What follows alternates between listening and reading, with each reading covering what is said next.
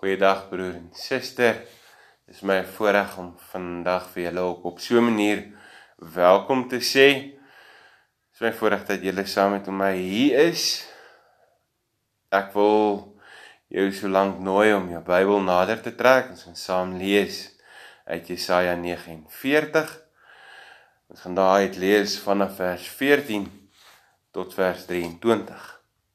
Voordat ons lees, kom ons sluit die oë dan bid ons saam. Here, in hierdie oggend kom dank ons U vir die grootheid en vir U genade dat ons ook waar ons gekonfronteer word met ons eie gebrokenheid, ons eie moedeloosheid ook op so 'n manier by mekaar kan kom. Dankie Here vir hierdie geleentheid wat ons het. Ons kom vra Here gee Here ook U genade. Kom spreek Here u kinders luister. Amen.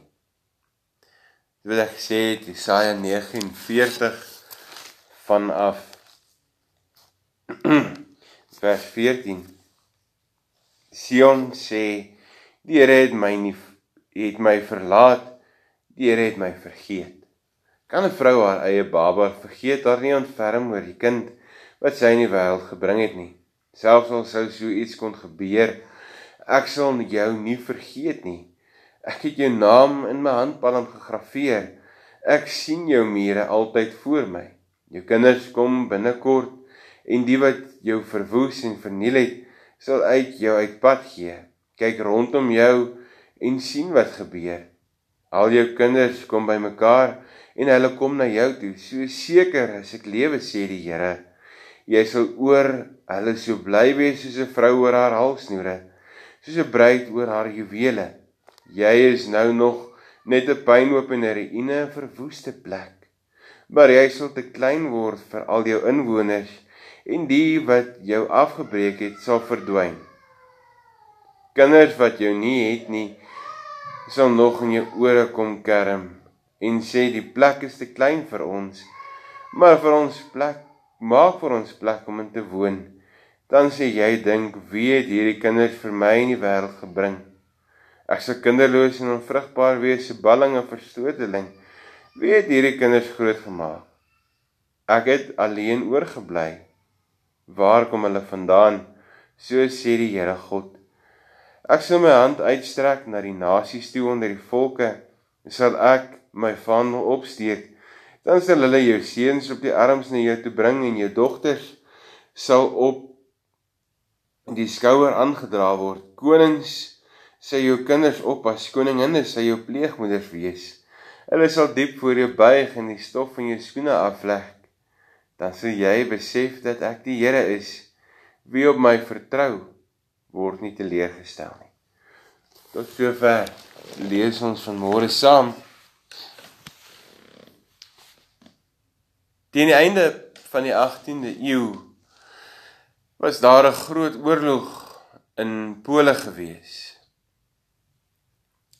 En die interessante van hierdie oorlog was 'n man wat tydens hierdie oorlog nadat hulle stad aangeval is en gebombardeer is,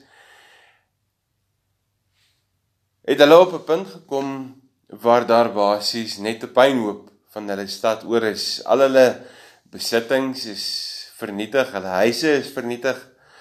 En die man het die dag na die groot aanval op die dorp het hy besluit hy gaan kyk wat is oor in die dorp. En hy kom toe daaraan en in hierdie pynhope en die rommelhope van van dit wat oorgebly het, begin hy toe rondkrap. Hy kom toe op 'n klomp planke af en hy bou vir hom 'n 'n winkelrak of 'n of 'n toonbank. En die soldate kyk hom vreemd aan in hierdie tyd. Want aan wie gaan hy iets verkoop? En al wat oorbly is dat hulle vir hom nou maar gaan vra is wat gaan hy by hierdie stalletjie van hom verkoop? En hierdie man antwoord Ek het hierdie stelletjie oopgemaak om hoop te verkoop. En daar sit hy agter sy toonbank en speel 'n vrolike dingetjie op sy gitaar. Hierdie beeld wat ons hoor van hier in hierdie storie is baie dieselfde as wat ons beleef in die gebeure in Jesaja 49. Hierdie gedeelte in Jesaja 49 nooi die volk uit om so bietjie hulle fokus te verskuif vanaf die ballingskap wat hulle in is van Sion wat in 'n pynhoop lê na die belofte van God wat dit kom wat dit kom herstel. In hierdie midde van hierdie absolute chaos wat afspeel in die middel van hierdie verwoesting en die vernietiging wat wat die volk beleef kom God se belofte, kom God se antwoord dat hy Sion se kinders weer gaan terugbring en herstel. Ons leef in 'n wêreld wat ongelooflik gekonfronteer word in hierdie tyd. As ons kyk hoe ons hierdie preek hanteer deur groot gevaar, deur 'n groot onbekendheid, deur 'n groot kommer. Daarom het ons hierdie kom ons noem dit 'n beklemming om die hart, hierdie vrees. En kom ons op 'n punt waar ons vasgevang word deur hierdie vrees.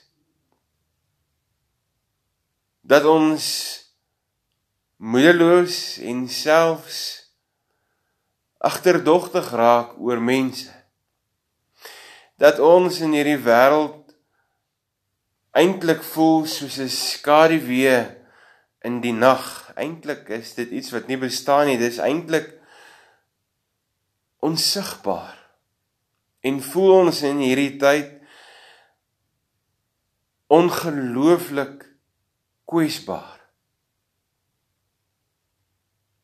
Tog hoor ons in hierdie gedeelte in vers 16 hierdie belofte van hoop. Ek het jou naam in my handpalms gegraveer. Ek sien jou mure altyd voor my, sê die Here. En hierdie uitdrukking om jou naam in my handpalm te graveer het waarskynlik plaasgevind waar 'n verliefde man sy minares se naam in sy hand geskryf het, gegraveer het. So as hy na sy hand sou kyk, sy onmiddellik herinner word aan sy geliefde. So hoor ons ook die toekoms drome dat God die herstel vir sy volk wil dat hy dat dit juis is iets is wat hy vir hulle in gedagte het. In der waarheid kom steek God vir hulle hierdie moontlikheid op om as platgeslaande moedelose mense te besef maar vir 'n oomblik kan ons ons hoop op God sit. Kyk die merke in my hande is eintlik wat die Here kom sê jy is in my hande ingeskryf jou verlede, jou toekoms, jou gebrokenheid, jou nuwe lewe is in my hande ingegrafieer sodat ek jou nooit sal vergeet nie. Eintlik nooi die Here vir Sion om in der waarheid as ons nou dink aan die verhaal in die begin by sy hoopstelletjie te kom koop om so verby hulle probleme, verby hulle uitdagings, verby hulle omstandighede te kyk en op God te bou. So word ek en jy ook in inderwaarheid in hierdie tyd genooi om verby die omstandighede wat ek en jy beleef, verby hierdie ongelooflike krisistyd in ons land waar ons ingeperk is, waar ons 'n klomp krisisse beleef verby ons eie omstandighede en uitdagings en probleme te kyk en op God te bou. En as ons van hoop praat, as ons van die vertroue in God praat, beteken dit nie dat daar ewe skielik nie moeilike tye gaan wees, nie uitdagings gaan wees nie, nie swaar kry gaan wees nie, maar beteken dit dat God ek en jy op God sal wag. Dat sy leiding en sy inspraak in ons elkeen se lewe 'n hoopvolle verwagting sal skep. So beteken dit dan vir Sion en ook vir ons, vir my en vir jou dat ons lewe en ons toekoms in God se hande is. Dat hy die hoop is, dat hy ja broer en suster ons hoop is in 'n tyd soos hierdie. So as jy dink aan hierdie tyd wat ons ingaan, wat ons nou so 'n paar dae al beleef het en wat daar nog 'n lang tyd voor is van afsondering van ehm um, sosiale eenkant hou en jy beleef nog die hooploosheid en jy beleef nog die moedeloosheid, mag jy hoor dat God soos wat hy op pad was met sy volk, so ook in hierdie tyd vir my en vir jou sy teenwoordigheid beloof. Dat daar waar jy is, daar waar jy as gesin is, daar waar jy op jou eie is, daar waar jy loop en werk, in jou tuin, daar waar jy besig is of pro jouself probeer besig hou, mag jy vir 'n oomblik onthou dat God die een is wat vir ons hoop bring. Dat hy ons hoop is. En mag my en jou hoop altyd geanker wees en geanker bly in die goedheid en in die grootheid van God. In hierdie tye wat voorlê en hierdie tye wat ons dalk onseker is, moedeloos is, mag jy God se belofte hoor van sy teenwoordigheid. Ek wil afsluit met hierdie gedagte, hierdie verhaal van 'n man en 'n van 'n man en 'n pa wat saam op reis gaan. En dit speel af in 'n tyd wat dit nogal redelik bebos is en 'n omgewing wat dit redelik bebos is. En hierdie pa het al hierdie pad geloop. Hierdie pa het al hierdie ervaring deurgegaan oor hoe om aan die ander kant van hierdie bos te kom. En in hierdie tyd is hierdie seun se eerste ervaring van hierdie bos. En hy wou weet wat aan die ander kant van hierdie van hierdie bos is, van hierdie woud is. En hy vra vir sy pa, kan hy vooruit gaan? Kan hy vooruit hardloop en rondkyk? En sy pa het geantwoord, ja, hy kan gaan. En die seun terwyl hy so wegloop, draai om na sy pa toe en vra, maar pa, hoe gaan ek weet As ek te ver is, is ek dalk verdwaal, is ek dalk verlore raak. En die pa antwoord elke paar minute sal ek jou naam roep en wag dat jy my terug antwoord. Luister mooi of jy my stem hoor. En as jy dit nie hoor nie, staan dan daar waar jy is en ek sal weer roep. Hierdie storie kom vertel vir ons in 'n tyd soos hierdie. In 'n oomblik soos hierdie. Mag ek en jy altyd as ons gekonfronteer word deur moeilike omstandighede terugdraai, mag ons altyd roep na die Here. Mag ons altyd wag op sy stem. En so ook soos wat ons aan die begin gehoor het, mag ons ons hoop bou op God mag ons by die Here ons hoop gaan soek ook in 'n tyd soos die, soos nou. Kom ons sluit die oë dan bid ons saam. Here, dankie dat ons kan stil word op U ons hoop kan bou en kan vestig. Op U wat vir ons goed is, wat ons nooit in die steek sal laat nie.